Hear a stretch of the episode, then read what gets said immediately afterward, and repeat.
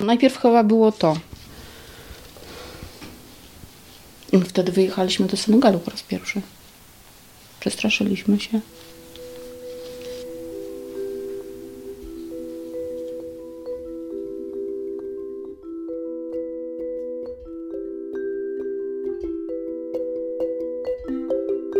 Trzeba powiedzieć, że Rosja nas połączyła. Gdyby nie Rosja, byśmy się nie spotkali.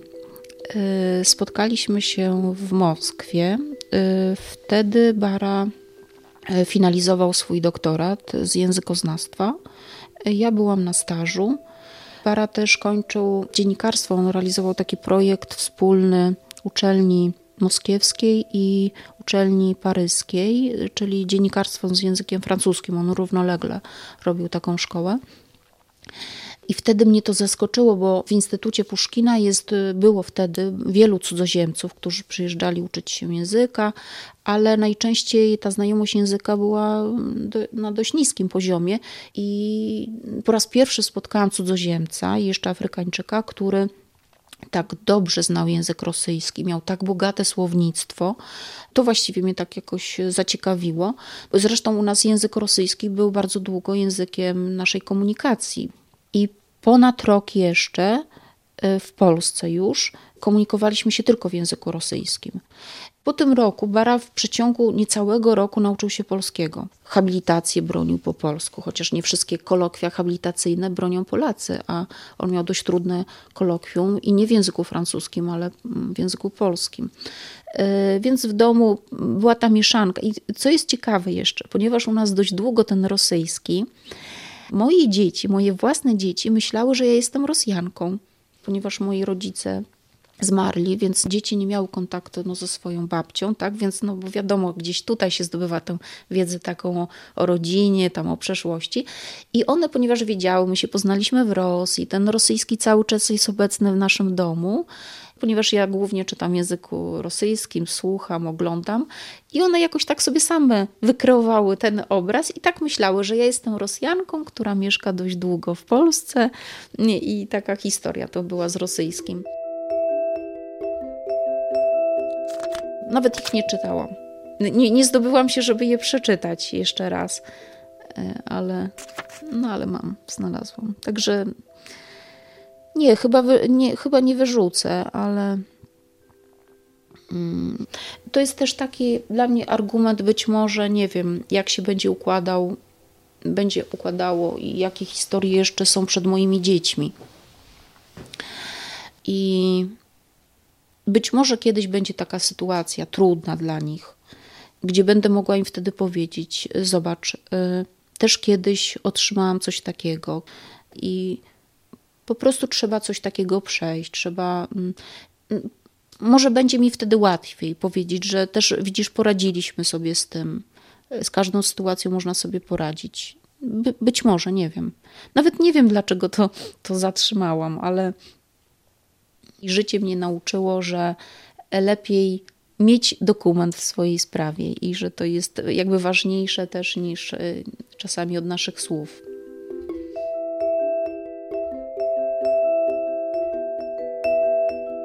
Już kilka lat temu, wiele lat temu prowadziłam te warsztaty.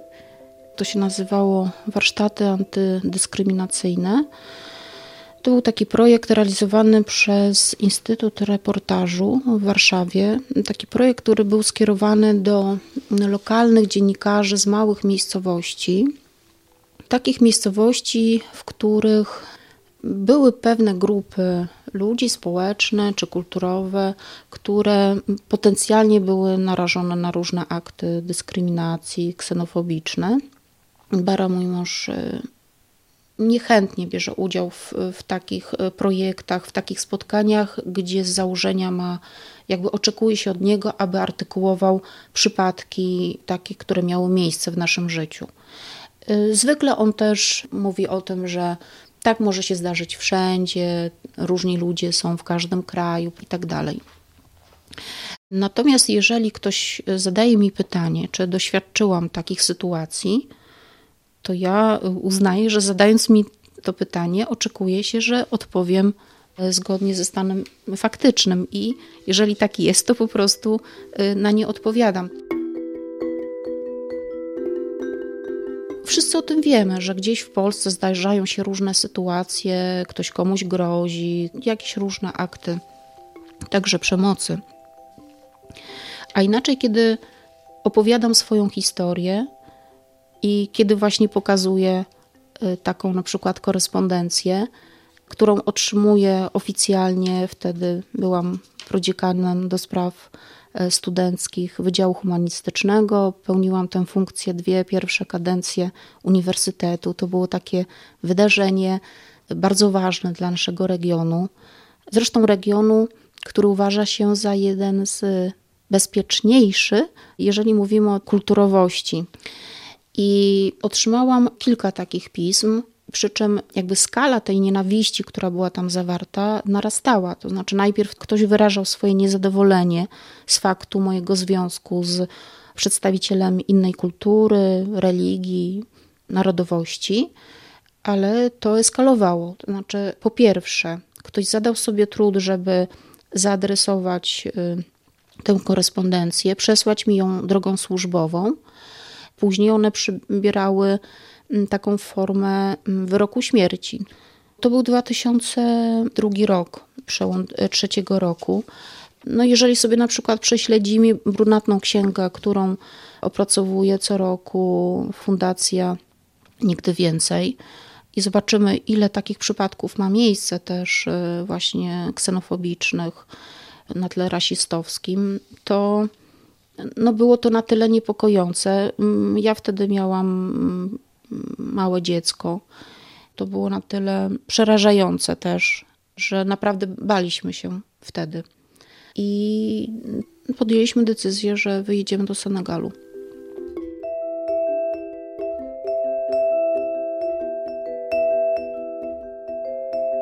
To była taka trochę ucieczka ale jednocześnie, kiedy pojechałam do Senegalu, oprócz tego, że już na ten temat e, sporo wiedziałam, czytałam, no i będąc w Senegalu, mogłam tak naprawdę od środka, bo to nie był pobyt nigdy e, taki, że jest to hotel, podróż turystyczna, tylko zawsze żyłam wśród nich w, zgodnie z ich tradycją.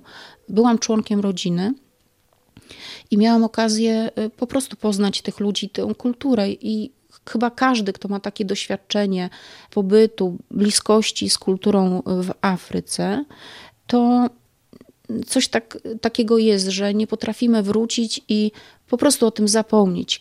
Ta bomba kolorów, zapachów, ludzi, emocji na zawsze już w nas po prostu jest. I Rzeczywiście ja widzę też e, takie szkoły jakby przetrwania, można powiedzieć.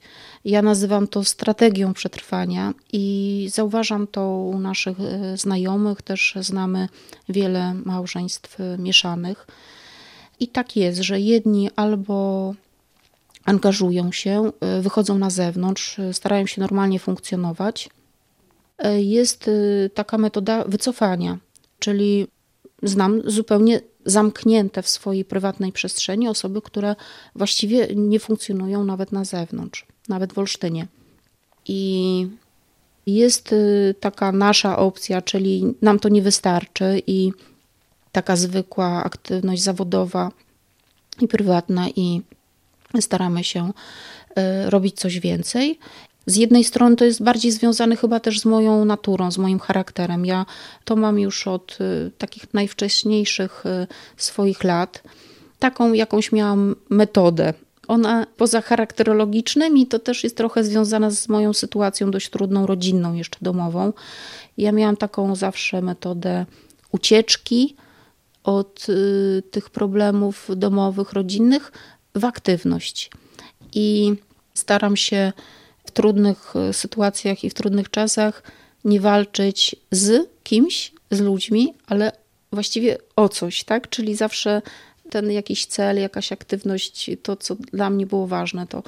A jeżeli chodzi o tę sytuację z mężem, moją rodzinną i to to chyba nie było od razu tak, że pomyślałam sobie, że skoro jest tak źle, to postaram się wyjść jakby do ludzi z tą wiedzą, kulturą i tak dalej. Pewnie nie. Myślę, że z jednej strony ta chęć podzielenia się tymi emocjami. Z drugiej mieliśmy już e, na naszym wydziale, wydziale humanistycznym osoby z innych krajów, poza Barą z Senegalu były też przedstawiciele Etiopii, byli pracownicy z politologii, którzy zajmowali się tematyką afrykańską i pomyślałam, że warto byłoby zainicjować jakieś spotkanie naukowe, aby, abyśmy mogli też y, organizować konferencje na ten temat.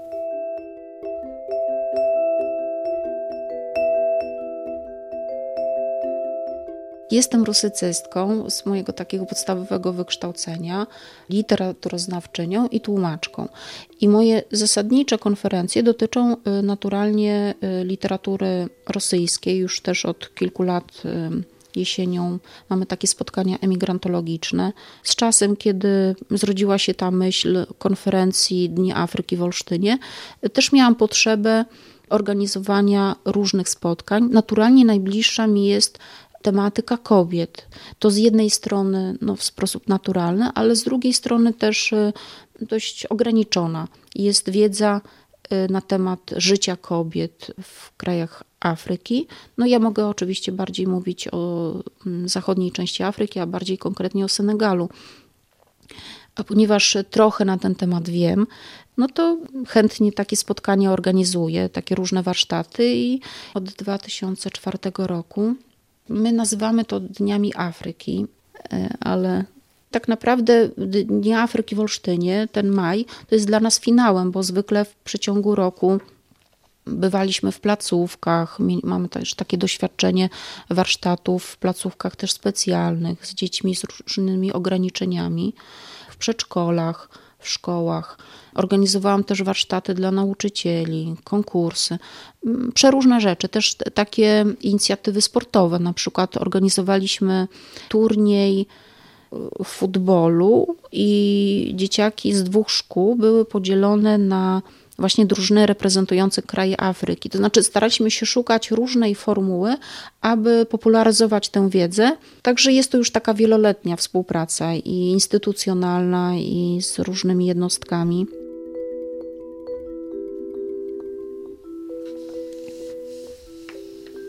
Czarna kobieta Leopolda Sedara Sengora. Naga kobieto, czarna kobieto, odziana w barwę, która jest życiem, w kształt, który jest pięknem. Dorastałem w Twoim cieniu. Łagodność Twoich dłoni zasłaniała moje oczy. I oto pośród lata i południa odkrywam Cię, ziemię obiecana, z wysokości ogromnej wapiennej przełęczy. I Twoje piękno uderza mnie w samo serce, jak błyskawica orła. Naga kobieto, nieznana kobieto, dojrzały owocu o zwięzłym miąższu, ciemne, rozkoszne, czarnego wina usta, które każą śpiewać moim ustom. Sawanno o czystych przestrzeniach, sawanno drżąca pod gorączkowymi pieszczotami wschodniego wiatru. Rzeźbiony tamtamie, napięty tamtamie, drżący pod palcami zwycięzcy. Twój poważny głos o barwie kontraltu jest duchową pieśnią oblubienicy.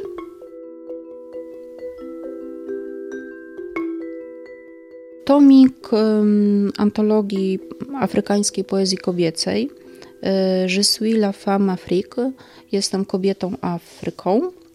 To jest e, pokłosie taka mała publikacja, mała antologia wydana w wydawnictwie krakowskim, w której zebrane są prace ogólnopolskiego konkursu na tłumaczenie poezji afrykańskiej, ale tej, która była pisana przez kobiety i w języku francuskim. Konkurs był ogłoszony przy okazji e, właśnie Dnia Afryki i trudno też mówić, że mamy jakiś wiodący motyw. To będzie poezja, która kobiet, wypowiedź taka liryczna która mówi o ich uczuciach, o jej miłości, ale jest też taka poezja, nazwijmy ją jakoś zaangażowana politycznie, kiedy mówią w imieniu kobiet Afryki, kiedy zwracają się też do kobiet innych na świecie. To jest gdzieś jest taka wypowiedziana między wierszami ta walka o prawa kobiet, o równe prawa kobiet, które są zapisane w konstytucjach, są zapisane w kodeksach rodzinnych, ale tradycja, rzeczywistość jest pewnie odrębną historią i, i wciąż kobiety muszą o to walczyć. I jedną z tych form jest ta wypowiedź literacka.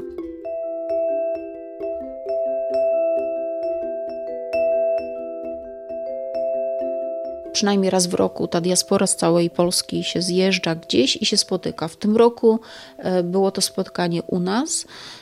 Raz, że no, to jest zawsze takie szczęście, no, dla Bary to było bardzo ważne, że wybrano ten nasz dom, to nasze miejsce i to jest zawsze takie wyróżnienie już samo w sobie. I rzeczywiście przyjechali Senegalczycy z Krakowa, z Poznania, z terenu całej Polski, było to kilkanaście osób. No ale też można powiedzieć, że była część oficjalna tego spotkania, tej wizyty, bo przyjechali przedstawiciele z ambasady Senegalu. I dla mnie duże zaskoczenie, bo w czasie tego spotkania, takiego corocznego spotkania Senegalczyków, którzy są też e, nazwijmy to, mają taką organizację sformalizowaną, właśnie Towarzystwo, Asocjację Senegalczyków w Polsce, Teranga z Krakowa i przewodniczącym jest Papa Sambandziaj, też wiele robi na rzecz edukacji międzykulturowej. No i w czasie tego spotkania wręczono mi takie podziękowanie ze strony Senegalczyków. Dostałam taką mm, taki wyrób rzemieślniczy, nie wiem, rękodzieło, o, bardziej rękodzieło afrykańskie z rogu jakiegoś tam bawołu. Było to dla mnie ważne, że przy, przywiózł to osobiście Samba. W tym roku e, z racji pandemii nie mogliśmy organizować stoiska, więc w jakiś taki symboliczny sposób zaistniało to rękodzieło w Olsztynie w tym roku. No i otrzymałam też oficjalne podziękowanie, pismo od ambasady. I było to też ważne, dlatego że zauważenie naszej inicjatywy, jakby docenienie, nie odbieram tego nawet personalnie, tylko bardziej dla tego wszystkiego, co my zrobiliśmy w Olsztynie już przez te wszystkie lata. Zauważenie tego z pozycji jakby ambasady daje nam taką nadzieję, że będziemy mogli jakoś wzmocnić te nasze działanie, że na tym, tej współpracy takiej dyplomatycznej, nadaje temu też inną rangę. To jakby z tego względu dla nas było ważne.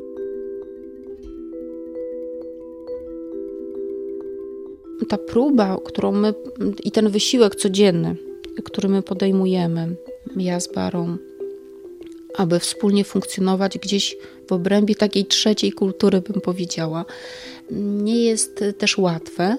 Przechodziliśmy różne etapy. Nawet wydawało mi się, że połączenie tych dwóch światów jest niemożliwe, pomimo tego, że nigdy nie zwątpiłam w nasze uczucia, w to, że się kochamy i chcieliśmy być ze, ze sobą, ale wydawało mi się, że nie jest to możliwe. Mieliśmy takie czasy mobilizacji, kiedy właśnie spotykaliśmy się z agresją, kiedy mieliśmy takie sytuacje, kiedy nie wiem, jestem w zaawansowanej ciąży na ulicy w Olsztynie w środku dnia i otacza nas jakaś banda wyrostków i następuje taki akt przemocy fizycznej i nikt nie reaguje i tak dalej. Mieliśmy różne sytuacje. I wtedy, kiedy są te sytuacje takie zewnętrzne, naturalnie my się wewnętrznie mobilizujemy, jesteśmy taką jednością. Ale mm, w takim codziennym życiu jest to trudne i kiedy mieliśmy taki etap, kiedy Bara próbował jakby odbudować swój świat tutaj, na swoich zasadach, a ja jestem no, osobą jakby z natury e, ceniącą najwyżej wolność i niezależność. I kiedy on argumentował dlatego, że tak, a ja, ale ja się z tym nie zgadzam, nie dało się żyć na zasadzie takiego ciągłego prze, przeciągania liny. I później e, przyszły na świat dzieci i e, jednym z takich większych problemów było dla nas wychowanie dzieci, dlatego że to są no, absolutnie zupełnie inne światy. W Senegalu dziecko nie zabiera głosu, jeżeli jest niezapytane, na przykład. Są pewne zachowania, które się wciąż nie mieszczą w głowie mojemu mężowi, a które u nas są taką też ty typową sytuacją. Więc tego trzeba się było uczyć. I ja po prostu musiałam zrozumieć, jak wiele wysiłku, takiej rezygnacji musiał nastąpić jakby w życiu męża. Ja się bardzo zmieniłam przy, przy barze, znaczy mm, zrezygnowałam już z tych swoich metod właśnie ucieczki, zostawiania za sobą, że uciekam w coś, że jednak y, trzeba to przepracować i że być ze sobą. No i też y, Bara jest zupełnie innym mężczyzną, innym Senegalczykiem. Obydwoje wykonaliśmy tę pracę. I myśl, mi się wydaje, że teraz dopiero, kiedy mamy świadomość tej pracy, którą każdy z nas wykonał, bardziej w sobie to cenimy i bardziej to szanujemy. Każdy z nas widzi. Bycie z drugim człowiekiem to jest przede wszystkim też taki, taki ten rodzaj empatii, rozumienia, co przeżywa ta druga strona i mm, też jakby zrozumieć, że nie zawsze wszystko możemy zrozumieć i że nie wszystko zawsze zawsze trzeba wyjaśnić. Po prostu czasami trzeba to przyjąć do wiadomości. I dopiero teraz tak naprawdę jestem spokojna.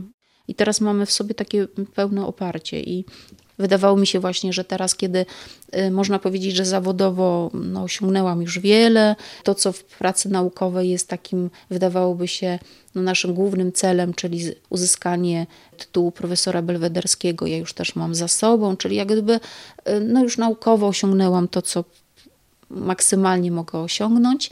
Mam też e, jakieś takie mm, uznania w postaci mm, nagród międzynarodowych za książki, za monografię, czyli mogę się czuć spełniona, doceniona naukowo, ale zaskakuje nas życie i dlatego dla mnie ważne jest to, to oparcie w domu, w, w mężu i ta, ten spokój, który mam w domu, ale właściwie dopiero teraz.